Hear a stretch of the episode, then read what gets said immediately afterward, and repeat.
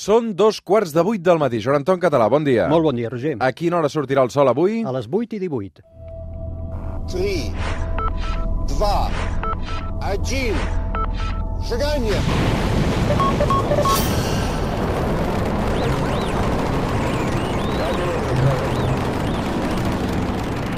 One small step for man,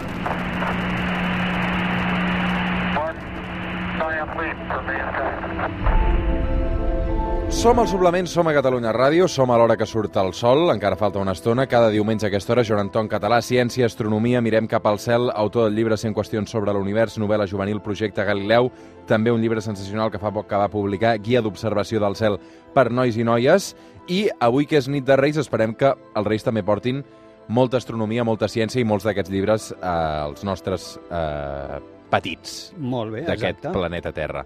Joan Anton, vam prometre eh, fa uns dies que dedicaríem avui aquest capítol als més petits, precisament, amb un munt de consultes que hem rebut. Realment tenim la bústia del suplement eh, col·lapsada. Fa unes setmanes vam prometre això, que féssiu arribar notes de veu, preguntes sobre astronomia dels, dels eh, nens i dels nenes. Doncs avui el Joan Anton Català respondrà pràcticament totes aquestes preguntes, que són moltes, que ens heu fet arribar al llarg d'aquests dies. I els més petits, ja us diu sempre, Joan Anton, són els que fan sovint les preguntes més intel·ligents. Sí, sí, sí, les més complicades a vegades de respondre. Estic molt il·lusionat pel programa d'avui, Roger. Doncs va, sense més demora, comencem. Hola, em dic Mariona i m'agradaria saber quants anys fa que existeix l'univers. Em dic Jan, tinc 7 anys i la meva pregunta és com s'ha creat l'espai. Quants anys fa que existeix l'univers, ens deia la Mariona? Fixa't, vaja preguntes. 13.800 milions d'anys és el que en aquest moment tenim estimat i, creiem saber-ho amb humilitat però amb bastant de precisió. 13.800 milions d'anys que tenim aquest univers. Resposta resolta per la Mariona i el Jan ens preguntava com s'ha creat l'espai. Doncs la forma que jo tinc més senzilla d'explicar-ho és, imaginem un globus que s'infla, doncs això és l'expansió eh, de l'espai, com es crea l'espai. Igual que quan tu infles un globus estàs creant goma, doncs eh, a l'espai el que està fent és expandir-se i creant, en lloc de goma, creant espai. Eh? I la imatge que podem tenir al cap és com si un globus s'estigués inflant, això seria la creació de l'espai. Més preguntes. Soc el Martí i tinc 7 anys i la meva pregunta és quina és l'estrella més gran del tot l'univers? Hola, em dic Mario. Mario, tinc 12 anys i la meva pregunta en Joan Anton és quantes galàxies s'han descobert a l'univers? Molt bé, Martí, uh, se sap quina és l'estrella més gran de l'univers? A veure, eh, no, perquè hauríem d'explorar tot l'univers per acabar cercant quina és l'estrella més gran. Però si la pregunta es refereix a l'estrella més gran que coneixem, que potser n'hi ha encara de més grans, si ho sabem, és una que es diu Ui Scuti, que perquè la gent es faci una idea, perquè els nens es facin una idea, té una mida que l'òrbita de Saturn quedaria dins de l'estrella. És a dir, dins d'aquesta estrella hi podríem posar-hi 8.000 milions de sols. Imaginem quina bèstia és aquesta. Mm. Doncs uh, fascinant, Joan Anton. Sí. El Mario també ens preguntava quantes galàxies s'han descobert. Milers de milions. Ens han acabat pràcticament els, els, les nomenclatures per galàxies. Recordem que les galàxies són ciutats estrelles. Cadascuna d'elles té milers de milions de sols. Doncs de galàxies en coneixem milers de milions. Per tant, imaginem quines quantitats, quines xifres. Mario, uh, resposta resolta. Més preguntes d'astronomia. Hola, me dic Jan, tinc 7 anys i m'agradaria saber com s'han format els planetes. Adeu! Em dic Aina, tinc 7 anys i encara no he estudiat el sistema solar i vull saber per què els planetes són rodons. Per què els planetes són rodons? Comencem per l'Aina, que aquesta pregunta m'agrada molt. Ah, és, és molt intel·ligent, Quines aquesta. preguntes, quines A preguntes. veure, que per què els planetes la són rodons, Joan Anton? M'està caient la bava. Mira, són rodons per gravetat. A, a partir que un objecte té una determinada mida, calculem que més o menys uns 500 quilòmetres de radi, eh, la gravetat els fa rodons. Eh? Giren i a poc a poc la, grava, la gravetat els va apretant perquè tenen molta massa, perquè un nen ho entengui, pesen molt, per entendre'ns, i els fa rodons. I per això els planetes tots són rodons. A més, és una de les condicions que hem posat per ser planeta. Has de ser rodó perquè et puguin anomenar planeta. Això ho vam explicar, molt important. Eh? Has de ser rodó perquè et puguin anomenar sí, planeta. Si no, el, no ho seràs. el Jan també ens preguntava um, com s'han format precisament aquests planetes rodons. Doncs mira, Jan, s'han format a base de petits eh, xocs entre pedretes molt petites al començament del sistema solar que xocaven i feien pedres més grans, les quals seguien xocant i feien roques, i aquestes roques anaven col·lisionant amb altres, anaven agregant-se i s'anaven fent cada cop més grans. Era una batalla a vida o mort, i al final van sobreviure els planetes que tenim avui, que serien els supervivents, Venus, Mercuri, la Terra, Mart, Júpiter, serien els supervivents d'aquella batalla que era o et menjava, o menjaves o et menjaven. Més preguntes sobre planetes. Jo vull saber què hi ha dins dels planetes. Hola, em dic Eric i tinc 12 anys. I la meva pregunta és, com sabeu de què estan fets els anells de Saturn si estan tan lluny? Per què el planeta Mart té volcans i com es va formar?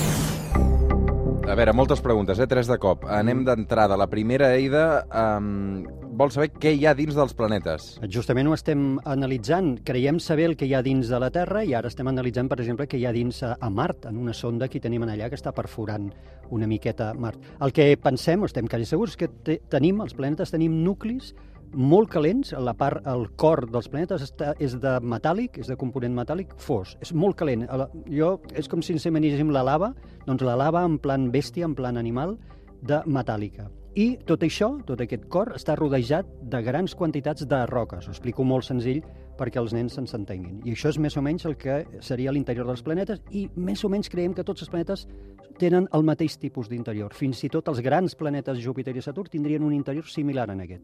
L'Isaac volia saber com se sap de què estan fets els anells de Saturn. Molt concreta aquesta pregunta. Molt concret i molt interessant, perquè clar, eh, doncs hi hem anat. Resulta que sí que hi hem anat, no amb humans, però sí que hem enviat eh, sondes, la Cassini, va ser una de les grans missions que va fer la NASA durant molts anys analitzant Saturn, i ens va enviar unes fotografies increïbles que estan a internet totes, són gratuïtes, dels anells on fins i tot es veuen estalagmites de gel en els anells, estalagmites de dos metres d'alçada. Per tant, sí, sabem que estan fets eh, de gel d'aigua.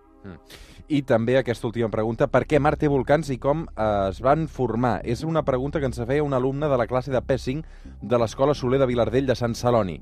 Són la classe dels planetes i els dinosaures. Mira, planetes i dinosaures, fixa't. Uh, volien saber per què Mart té volcans, Joan Anton. Doncs eh, té volcans perquè quan Mart es va formar, similar a com es va formar la Terra, estava molt calent i hi havia eh, moviments tectònics, era un planeta geològicament actiu que estava molt calent i això va fer que tingués volcans. Què passa? Que aquests volcans actualment s'han apagat. Creiem que Mart actualment, a diferència de la Terra, els volcans que hi ha a Mart estan tots extingits, estan tots apagats.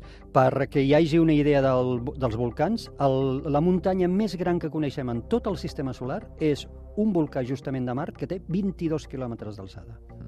Doncs eh, apuntat queda cap a aquesta classe de P5 de l'Escola Soler de Vilardell de Sant Celoni. Més preguntes. Hola, em dic Isaac i tinc 7 anys. Vull saber hi ha algun planeta més a part de la Terra que tingui gravetat? Hola, eh, sóc l'Arnau, tinc 10 anys i la meva pregunta és si d'aquí molts anys es podran clonar persones, per què no es podran clonar planetes? Wow. Carai, puja el nivell aquí, Uau. eh? eh? Hi ha algun planeta a part de la Terra que tingui gravetat? Tots en tenen, uh, mira, uh, Isaac, tots, tots, absolutament tots els objectes del sistema solar, tots tenen gravetat, siguin petits o siguin grans. Com més gran siguis, més gravetat tens. Per exemple, la Terra té gravetat, la Lluna en té menys que a la Terra perquè és més petita, Mart també en té menys que la Terra perquè és més petit. A Mart, per exemple, saltaries tres vegades més, tres cops més que a la Terra, i a la Lluna podries saltar sis vegades més alt que saltes a la Terra. Però, tot i que en tenen poca, tots els objectes tenen gravetat. L'Arnau volia saber per què no es podran clonar planetes si d'aquí uns anys sí que es podran clonar persones. Aquesta pregunta em em sembla que em sobrepassa. Eh? És d'aquelles que dius, ostres, clar, el, el procediment és completament diferent. Un està basat en la clonació de l'ADN, que ja veurem, ja veurem, i això permetria, en teoria, clonar éssers vius, i l'altre és clonació de planeta, que si mai es pogués, òbviament no es faria a partir de, de clonar una cadena d'ADN, sinó que es faria no sé com, eh? a través d'una impressora 3D gegant. No ho sé, no ho sé. Hola, em dic Asier, tinc 8 anys i voldria fer-li aquesta pregunta a en Joan Anton Català. Quants exoplanetes s'han descobert a l'univers? Doncs mira, a Sier, la primera troballa del primer exoplaneta va ser el 1995 i des de llavors n'hem descobert més de 4.000 en aquest moment, que et semblaran molts, però en veritat són molt poquets, perquè pensem que només dins la nostra galàxia n'hi ha d'haver més d'un bilió, eh? i en portem 4.000 només descoberts. Aquest ritme cada cop en estem descobrint més i més i més. Mm. Doncs aquesta és la resposta que t'ofereix el Joan Anton Català per més preguntes. Per què el planeta Terra té atmosfera? Per què a la Terra hi ha oxigen i a, i a fora de la Terra no? Val, l'atmosfera. Mm, per on comencem? A veure. Ja, comencem per explicar per què, per què té atmosfera la Terra. La Terra, quan es va crear, pensem que no en tenia, igual que no en tenia ni Mercuri, ni Venus, ni Mar, no? Eh, Va ser poc després de que es formés que va adquirir aquesta, aquesta primera atmosfera a base de, de traure gasos que hi havia a l'espai i també per objectes que van caure i des d'aquest moment la Terra va començar a desenvolupar una atmosfera que no era respirable, no era com la que tenim ara. I molts milions d'anys després, els primers éssers vius que van aparèixer a la Terra, que feien fotosíntesi, van començar a crear l'oxigen i a donar-nos una atmosfera que, feliçment, avui podem respirar. Mm. I després també ens preguntàvem per què a la Terra hi ha oxigen i a fora no. La- L'oxigen és un element que té la mania de combinar-se. Tu tenir oxigen lliure és molt, molt, molt complicat. L'oxigen, per exemple, quan veieu un ferro rovellat, eh, doncs això és perquè l'oxigen s'hi ha combinat. L'oxigen és molt complicat que estigui lliure a fora. Aquí a la Terra pot estar lliure a l'atmosfera perquè el puguem respirar, simplement perquè tenim arbres i plantes. I aquests arbres i plantes el que fan és crear oxigen, perquè si no ho fessin així s'acabaria eh, acabaríem sense cap oxigen a l'atmosfera. Hola, em dic Laia i vull saber per què cada dia es fa de nit. Home, Joan Anton, Ei. eh, mira, aquesta fins i tot potser la puc respondre jo. Vinga. A veure, per què cada dia es fa de nit, estimada Laia? Jo diria perquè hi ha un costat de la Terra on no hi toca el sol. Exactament. Com que la Terra va rotant, va variant. Exactament. Aquesta resposta la podríem, la podríem posar a algú... Segur que algú li podria posar alguna, algun annex si fos terraplanista. Mm, clar. eh? I ens donaria altres respostes. Però la resposta, com tu molt bé has dit, és que la Terra rodona gira i el Sol li toca en una part i no a l'altra. Hola, em dic Marta i la pregunta que us vull fer és si les estrelles poden caure a la Terra. Hola, sóc el Iker i tinc 5 anys. Què és una estrella fugada? Vull saber què hi ha dintre un meteorit. Puja el nivell, eh? A veure, comencem pel final. Què hi ha dins d'un meteorit? A veure, els, ma- primer expliquem. Meteorit és qualsevol cosa que cau de l'espai i toca terra. Si no, no és un meteorit. Eh? A vegades veiem fugisseres al cel, doncs si allò no toca terra, no és un meteorit. A la que ha tocat terra el podem anomenar meteorit. Per tant, els podem analitzar. Com que toquen terra, els podem, eh, diríem, col·leccionar i els analitzem. I molts d'ells tenen contingut metàl·lic. A dins són roca, però a dins també tenen bastant eh, contingut metàl·lic, molts d'ells. Mm. Molt bé, per tant, primera resolta. Què és una estrella fugaç? M'ha semblat entendre. Sí, l'estrella fugaz ho preguntava, crec que recordar la Marta, i això són petits fragments que cauen del, del cel i que entren a l'atmosfera i es tornen incandescents. I m'estan fent senyals, la Marta m'està fent la Marta de Catalunya Ràdio del suplement m'està fent senyals i diu que no és la Marta que ho preguntaven, sinó que és l'Iker el que ho preguntava. molt bé. I també la Marta sí que ens preguntava, les estrelles poden caure a terra? Els nostres A la avantpassats... Terra? Sí, els nostres avantpassats pensaven que sí i tenien por, eh? Quan veien fugisseres o veien pluges estrelles, pensaven això, que les estrelles es despenjaven del cel i queien. Avui, òbviament, sabem que això no és així. Les estrelles són sols, estan feliçment visquent a l'espai i el que ens cau són petits fragments que han deixat anar altres objectes com els cometes o els asteroides. Hola, em dic Abril i tinc 9 anys. Es poden veure satèl·lits artificials amb, sense telescopi? Com els diferenciaríem amb les estrelles?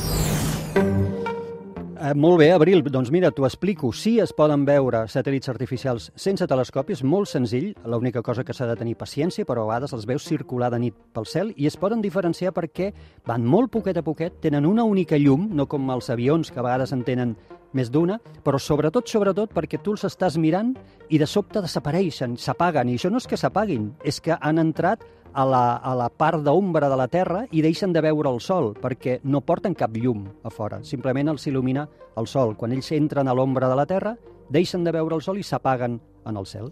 Més preguntes pel Joan Anton Català. Hola, em dic Guifré, tinc 11 anys i la meva pregunta al Joan Anton és per què els astronautes, abans de que vagin a l'espai, els han d'operar de l'apèndix. Em dic Julio, tinc 11 anys i la meva pregunta per al Joan Anton és per què els astronautes tenen que tenir una altura per poder anar a fer missions a l'espai? Hola, sóc el Nico, tinc 9 anys i la meva pregunta al Joan Anton és què passaria si féssim mines a l'espai? Em dic Gerard, tinc 9 anys i la meva pregunta és per què quan envien sondes a altres planetes o altres llocs, per què no tornen? Uau, aquí hi ha nivell, Joan Anton. Sí. A veure, és que aquesta ni ho sabia jo. Uh, vols ser el, el guifrer? Comencem pel guifrer. Per què han d'operar els astronautes d'apèndix per anar a l'espai, abans d'anar a l'espai? Val, no, no és exactament això, però quasi. Uh, la NASA, per exemple, i l'Agència Espacial Europea recomanen, strongly recommended, que diuen ells, recomanen als astronautes que superin de l'apèndix o que es treguin els queixals del seny per anar al, a l'espai. Però els no, disgustos que et puguis evitar. Ah, exacte, però no ho imposen com una condició obligada, eh? tot i que, evidentment, si m'imagino... t'enganxa allà una crisi d'apèndix eh, pots morir. Eh? camí de la Lluna. Allà, allà pots deixar la vida. Per tant, m'imagino que tots ells deuen estar operats, però no perquè estigui forçat, sinó perquè és una, una forta recomanació. El Julio eh, ha preguntat per què els astronautes han de tenir una alçada per anar a l'espai, una alçada mínima. Hi ha raons molt pràctiques, simplement són pràctiques. O màxima. Sí, mínima i màxima. Eh? Per exemple, uh, Yuri Gagarin era molt petitet, feia 1,57 només d'alçada, i allò era, aquesta raó era perquè els coets que hi havia aleshores tenien poca potència i es buscava gent, astronautes amb molt poc pes. Actualment, eh, la NASA, per exemple, ha fixat que la eh, mínima és 1,50 m i la màxima és 1,93 I això és simplement per raons pràctiques, perquè els vestits espacials són com són i eh, ni, no poden ser les persones ni massa baixes, massa baixes més que això, ni massa altes, perquè llavors se'ls hauria de fer un vestit especial que no seria reutilitzable, només seria un vestit a mida d'ells. El Nico volia saber què passaria si féssim mines a l'espai. És una mica com aquella pel·lícula d'Armagedon, no? Exactament, exactament. Això passarà, eh? I això ho veurem i segurament el Nico això ho veurà. Uh, I hi ha companyies que estan preparant missions en el futur per fer mineria d'asteroides i d'objectes que vaguen per l'espai perquè són molt rics en materials que mm, alguns d'ells són molt complicats d'extraure des d'aquí a la Terra. Per tant, apareixerà un ofici nou, que serà, imaginem-nos, miner de l'espai, i apareixeran companyies noves que seran de, mineria de l'espai. I el Gerard preguntava per què les sondes que enviem a altres planetes no tornen. perquè és molt car fer-les tornar. A prou feines tenim diners per enviar-les eh, i els, els pocs diners que tenim per la ciència els preferim ut- utilitzar enviar noves sondes a nous llocs o seguir explorant la vida a mar, per exemple, que no recuperar les sondes, perquè ens gastaríem el diners només recuperant les sondes que hem enviat. Som al Suplement, som a Catalunya Ràdio, avui responent les preguntes que ens heu fet arribar sobre l'espai amb el Joan Anton Català. Hola, sóc el Ferran i tinc 12 anys i m'agradaria saber si existeix vida extraterrestre en fora de la Terra. Hola, sóc l'Oriol, m'agraden els dinosaures i tinc 4 anys i vull saber si a algun planeta hi ha dinosaures. Realment, eh, molt interessants aquestes preguntes. A mi també m'agradaria molt saber si existeix la vida i- fora de la Terra, I, a mi, Ferran. i, I els dinosaures, imagina't. I els dinosaures, Comencem per la vida del Ferran. Uh, no, no ho sabem, encara no hem descobert vida fora de la Terra, l'estem buscant desesperadament, en aquest cas, en aquest moment, en Mart, i durant els propers anys podríem tenir alguna sorpresa en el sentit de trobar vida fòssil. El sentit comú ens diu que sí que hi hauria d'haver vida a l'univers, perquè l'univers sembla que és immens, però encara no ho hem descobert i estem aquí buscant. I l'Oriol, el tema de dinosaures. Fantàstic, 4 anys a l'Oriol. Doncs mira, Oriol, qui sap, amb tantíssims llocs que hi ha a l'univers, vés a saber si en podríem trobar algun en dinosaures. Jo no ho descartaria, deu ser difícil, però jo no ho podria descartar. Hola, em dic Guillem i tinc 12 anys i m'agradaria saber exactament lo dels viatges del temps, aquest tema, si és pura ficció de les pel·lícules i de les sèries o és real. Hola, em dic Àlex i tinc 11 anys. La meva pregunta per Joan Anton és en què consisteix la teoria de cordes. Il·lumina'm, Joan Anton. Vinga, el Guillem, comencem pels viatges en el temps. Sí, no és ciència-ficció, sempre i quan viatgem al futur. Imaginem els dos bessons, eh, el que dèiem, un bessó es queda a la Terra, l'altre viatja a l'espai molt lluny a gran velocitat, i quan el bessó que ha viatjat a l'espai torni, per ell a lo millor hauran passat, no sé, posem 5 anys, i en canvi, pel seu bessó i tots els habitants de la Terra, millor n'hauran passat 30. És com si aquest astronauta que ha viatjat a l'espai tornés en el futur de la Terra. El que no podràs tornar arrere. Per tant, des d'aquest punt de vista, sí que es podria, amb la física que tenim, viatjar en el futur, però no tornar al darrere. Mm. I l'Àlex ens preguntava per la teoria de les cordes. Necessitaríem no sé quants capítols per explicar. Aquesta segurament és la pregunta més complicada de contestar. La teoria de les cordes és una teoria de les micropartícules que intenta explicar com és la natura a escala diminuta. Alguna vegada m'ha explicat que actualment la quàntica ens ho explica quasi tot, però hi ha algunes coses que la quàntica no pot. Teoria de les cordes seria una hipòtesi per eh, explicar el que no pot la quàntica. Seria com si les partícules subatòmiques, en lloc de ser partícules o camps d'energia, fossin, imaginem, com unes petites cordes que vibren. Depèn de com vibrin, et dius electró, et dius quark o et dius protó. Això no està comprovat, és simplement una hipòtesi potent, però és una hipòtesi. Tela marinera, la de dubtes que hem resolt avui amb el Joan Anton Català en aquesta Terra Esplana. Moltes gràcies a tots els que heu participat, a tots els que us heu quedat fora. Ben aviat farem un altre capítol, perquè això veig que Molt bé, molt ha bé. funcionat molt bé i tenim moltes preguntes i, i, i hi ha inquietud realment entre la Sí. generació que arriba per saber què hi passa Molta. realment allà dalt. Molta. Joan Anton, què hi passarà aquesta setmana al cel? Molt ràpid, t'haig de dir que he corregut molt, eh, responent, perquè volia, sabia que n'hi havia moltes i volia que entressin. I- Aviat farem un altre capítol. Perfecte, eh, perfecte. per nois i noies. Mira, digues, digues. Venus molt brillant al vespre, segueix, ja ho vam comentar les setmanes passades, segueix brillant moltíssim, i de matinada Mart ens comença a aixecar a poc a poc sobre l'est. I és molt important això perquè a l'any que ve serà l'any de Mart. A l'octubre, setembre, octubre, novembre de l'any que ve, tindrem a Mart perfectament situat al cel. Joan Anton, què has demanat als Reis? Eh, mira, és que m'agrada més demanar pels demés que demanar per mi. I llavors el que he demanat són coses que els reis portaran en pistes, coses per les meves filles i, les, i la meva dona, que òbviament no diré, perquè ho he escrit a la carta i elles segurament estan escoltant aquest programa i si s'han portat bé ho portaran en un joc de pistes. Tot amagadet en joc de pistes. Joan Anton Català, una abraçada. Igualment, moltes Pausa gràcies. i tornem al suplement.